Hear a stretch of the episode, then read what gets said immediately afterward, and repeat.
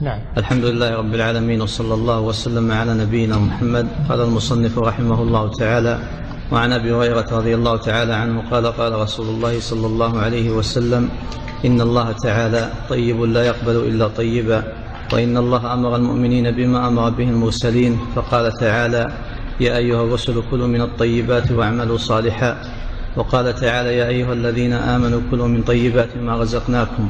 ثم ذكر رجل يطيل السفر أشعث أغبر يمد يديه إلى السماء. يا رب يا رب ومطعمه حرام ومشربه حرام وملبسه حرام وغذي بالحرام فأنى يستجاب له. رواه مسلم. بسم الله الرحمن الرحيم. الحمد لله رب العالمين. صلى الله وسلم على نبينا محمد وعلى آله وأصحابه أجمعين.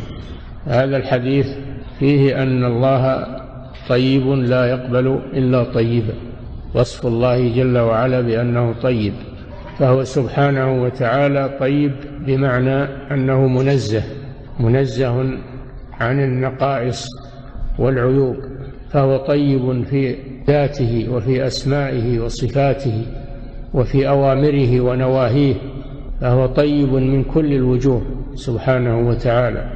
لا يتطرق إليه نقص. ولذلك فإنه لا يقبل من الأعمال والأقوال والمقاصد إلا ما كان طيبا فلا يقبل الخبيث من الأقوال والأعمال والمقاصد والطيب. كما قال تعالى إليه يصعد الكلم الطيب فهو لا يقبل إلا الكلام الطيب والعمل الطيب. والصدقات من الكسب. الطيب أما الخبيث فإنه لا يقبله سواء كان خبيثا بمعنى الردي لا تيمموا الخبيث منه تنفقون وكان خبيثا في ذاته كالميتة والخمر والخنزير والربا والرشوة والقمار غير ذلك. الخبيث إما أن يكون خبيثا في ذاته وإما أن يكون خبيثا في مكسبه.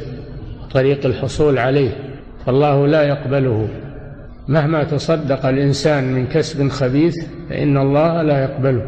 وكذلك لا يقبل العمل إلا إذا كان طيبا بمعنى أن يكون خالصا لوجه الله عز وجل. ليس فيه شرك ولا رياء ويكون صوابا على سنة رسول الله صلى الله عليه وسلم. ليس فيه بدعة ولا خرافة وإنما هو على وفق السنة. فهذا هو العمل الطيب الذي يتقبله الله سبحانه وتعالى. كذلك القول الطيب من ذكر الله التسبيح والتهليل والتكبير. وكذلك طيب من من الأمر بالمعروف والنهي عن المنكر والدعوة إلى الله والنصيحة.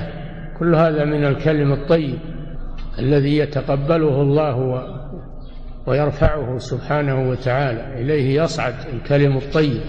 أما القول الخبيث فإن الله يرده ويبغضه من الكذب والغيبة والنميمة والشتم. قول الزور وشهادة الزور جميع الأقوال الخبيثة والشرك والكفر كله أقوال خبيثة. لا ترتفع إلى الله عز وجل ولا تقبل. لا يقبل إلا طيبا من كل شيء. يخرج بذلك ما كان خبيثا فإن الله جل وعلا يرده ولا يقبله. ثم قال وإن الله أمر المؤمنين بما أمر به المرسلين. فدل على أن المرسلين والمؤمنين مأمورون ومنهيون لا أنهم يفعلون أو يقولون شيئا من تلقاء أنفسهم أو من مستحسنات عقولهم وإنما يفعلون ما يؤمرون. الملائكة والرسل والمؤمنون يفعلون ما يؤمرون ويتركون ما نهوا عنه.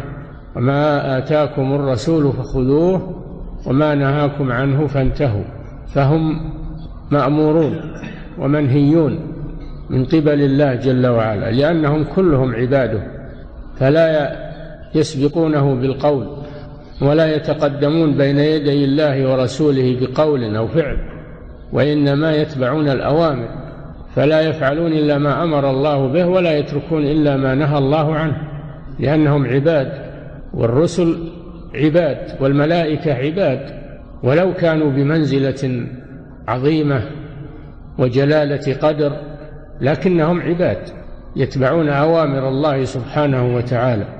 أمر المؤمنين بما أمر به المرسلين. ثم ذكر الشاهد والدليل على ذلك. الله أمر المرسلين بقوله تعالى يا أيها الرسل كلوا من الطيبات واعملوا صالحا. كلوا من الطيبات أي من الحلال. طيب هو الحلال والخبيث هو الحرام. والله أمر بالأكل من الطيبات أي من المباحات ونهى عن الأكل من الحرام والخبائث ثم ذكر ما يترتب على أكل الحلال. واعملوا صالحا فأكل الحلال يعين على العمل الصالح ويجعل العمل الصالح متقبلا. وأما أكل الحرام فإنه يثبط ويكسل عن العمل الصالح ويخذل الإنسان. لذلك تجد الذين يأكلون الحرام ويكتسبون الحرام من أبعد الناس عن الطاعات والعبادات وأكسل الناس عن الصلوات. لأن الحرام ثقل في بطونهم وقلوبهم فكسلهم عن الطاعة. خلاف الذي يتغذى بالحلال ويتحرى الحلال فإن ذلك يعينه على طاعة الله ويلين قلبه ويرقق قلبه. كلوا من الطيبات واعملوا صالحا. إني بما تعملون عليم. وهذا تحذير من أن الإنسان يخل بعمله أو يتظاهر بالعمل والإخلاص لكنه بخلاف ذلك فإن الله عليم جل وعلا. لا يروج عليه لا يروج عليه البهرج والكذب. مهما تظاهر الإنسان بالصلاح والتقوى إذا كان في باطنه بخلاف ذلك فإن الله يعلم. ولا ينطلي عليه الظاهر مع خبث الباطن. إنما هذا في حق الناس الذين لا يعلمون الغيب يبنون على الظاهر. أما الله جل وعلا فإنه يعلم كل شيء. إني بما تعملون عليم. قوله إني بما تعملون عليم يتضمن شيئين. الشيء الأول أن الإنسان لا يخشى أن يضيع له شيء أو يضيع له عمل أو أن الله ينساه أو يتركه. من الحسنات والسيئات فإن الله يعلمها ويحصيها ويكتبها لصاحبها سواء كانت حسنة أو سيئة. هذا الشيء الأول. الشيء الثاني أن الله جل وعلا لا ينخدع بالظواهر الباطلة والزخرف والتزوير وإنما يعلم الحقائق سبحانه وتعالى. وقال تعالى في حق المؤمنين يا أيها الذين آمنوا كلوا من طيبات ما رزقناكم. هذا أمر من الله جل وعلا بالأكل من الطيبات وهي المباحات. طيب في ذاته؟ والطيب في مكسبه والحصول عليه. يا أيها الذين آمنوا كلوا من طيبات ما رزقناكم. هذا الأمر أمر إباحة. كلوا هذا أمر إباحة. أن الله أباح لنا الطيبات ويحل لهم الطيبات ويحرم عليهم الخبائث. كلوا من طيبات ما رزقناكم. وفي ضمن ذلك النهي عن أكل الخبائث. النهي عن أكل الخبائث. وفيه الرد على الذين يحرمون الطيبات بزعمهم أن هذا من العبادة كالصوفية والمتزهدة الذين يتركون الطيب ويظنون أن هذا فيه أجر. هذا تكلف لأن الله أمر بالأكل من الطيبات والمستلذات. الطيب يشمل الطيب الذي هو غير خبيث ويشمل الطيب الذي هو المستلذ من اللحوم والفواكه وأنواع المتعة الطيبة من النساء والملذات المباحة. فالإنسان يتناول منها ولا يحرم نفسه من غير إسراف من غير إسراف. فالذي يتقرب إلى الله بترك المباحات والطيبات هذا متنطع كلوا من الطيبات. والنبي صلى الله عليه وسلم كان يأكل مما يسر الله له. يأكل اللحم يأكل الفاكهة يأكل ما تيسر له عليه الصلاة والسلام. ويتزوج النساء ويتطيب بالطيب واستعمل الطيبات عليه الصلاة والسلام. كلوا من الطيبات واعملوا صالحا. مثل ما قال للرسل أمرهم بأمرين الأكل من الطيبات والعمل الصالح لأن أكل الطيبات يعين على العمل الصالح. لأنه يغذي تغذية طيبة وينشط البدن فالأكل من الطيبات يعين على طاعة الله سبحانه وتعالى. ليس المراد أن الإنسان يعطي نفسه ما تشتهي ويتكاسل عن الطاعة هذه طريقة البهايم إنما الإنسان يأكل ويشكر يشكر الله عز وجل. فقوله واعملوا صالحا هذا من شكر نعمة الله عز وجل. كلوا من الطيبات كلوا من طيبات ما رزقناكم واشكروا لله. كنتم إياه تعبدون. ثم إن النبي صلى الله عليه وسلم ضرب مثلا للذي يأكل الحرام ويدعو الله عز وجل في حالة رثة وفي حالة تقتضي إجابة دعوته لكن عنده مانع من قبول الدعاء. عنده أسباب لقبول الدعاء وعنده مانع من قبول الدعاء. الأسباب يمد يديه. مد اليدين في الدعاء هذا من أسباب الاستجابة. يمد يديه إلى السماء. لماذا يمد يديه إلى السماء؟ إشارة إلى علو الله سبحانه وتعالى لأن الله جل وعلا في السماء. يمد يديه إلى السماء. وفي هذا مشروعية رفع اليدين في الدعاء. وهو الأصل. الأصل في الدعاء رفع اليدين. إلا ما دل الدليل على أنه لا ترفع فيه الأيدي فلا ترفع. يمد يديه إلى السماء. السبب الثاني يقول يا رب يا رب يتوسل إلى الله بربوبيته وهذا من التوسل المشروع. تتوسل إلى الله بأسمائه وصفاته وربوبيته. هذا سبب للإجابة. السبب الثالث أنه أشعث أغبر في حالة رثة ليس عنده كبر. أما الإنسان المستكبر الكبر يمنع قبول الدعاء. فهذا عنده سبب الإجابة وهو أنه متواضع.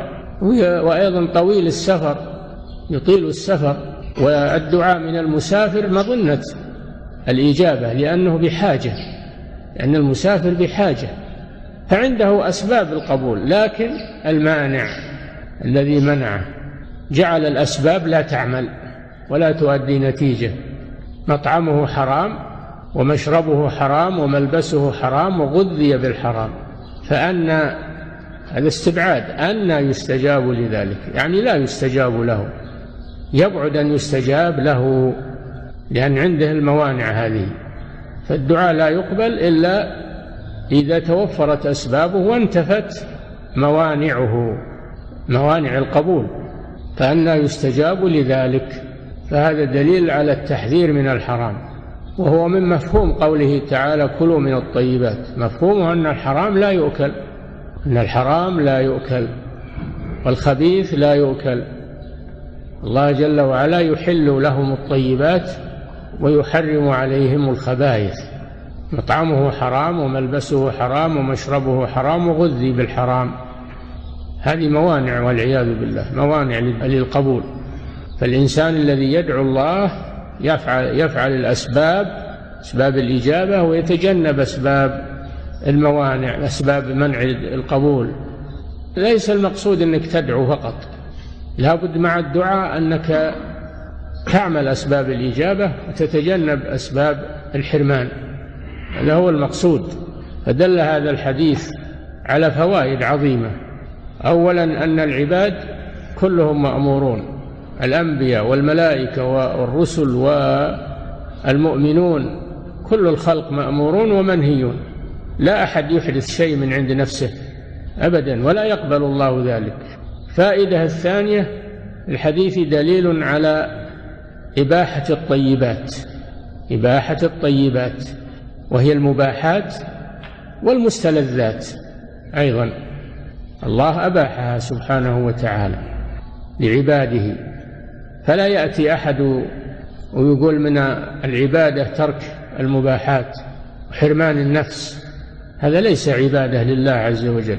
الرسول صلى الله عليه وسلم كان يأكل من الطيبات والمستلذات والفواكه واللحوم وكان يتزوج النساء وكان ينام وكان عليه الصلاة والسلام يأخذ ما أباحه الله له ويترك ما نهاه الله عنه وهو القدوة عليه الصلاة والسلام. ففيه الرد على من يزعم أن الزهد أن الزهد هو ترك الطيبات. لا الزهد هو ترك الحرام وترك الفضول فضول الأشياء التي لا يحتاج الإنسان إليها. هذا هو الزهد ترك الفضول. أما الذي يحتاجه الإنسان فهذا تركه ليس من الزهد ليس من الزهد هذا. وليس الزهد حرمان النفس مما أباح الله لها ليس هذا من الزهد. وفي الحديث أن الدعاء لا يقبل إلا إذا توفرت أسباب الإجابة وانتفت موانع الإجابة. وفيه أن الحرام يفسد البدن لأنه يغذي تغذية خبيثة فهو يفسد البدن من من الناحية المعنوية ومن الناحية الحسية أيضا. فإن هذه المحرمات فيها أضرار جسمية فيها أمراض جسمية الله ما حرمها إلا لأن فيها مضار. انظر مثلا إلى الميتة. الله حرمها لأن فيها أضرار وأمراض. شخص الأطباء منها أشياء كثيرة من الأمراض الميكروبات والخمر ماذا فيها من الأضرار؟ المخدرات ماذا فيها من الأضرار؟ الدخان القات كلها أضرار. أضرار جسمية وأضرار دينية.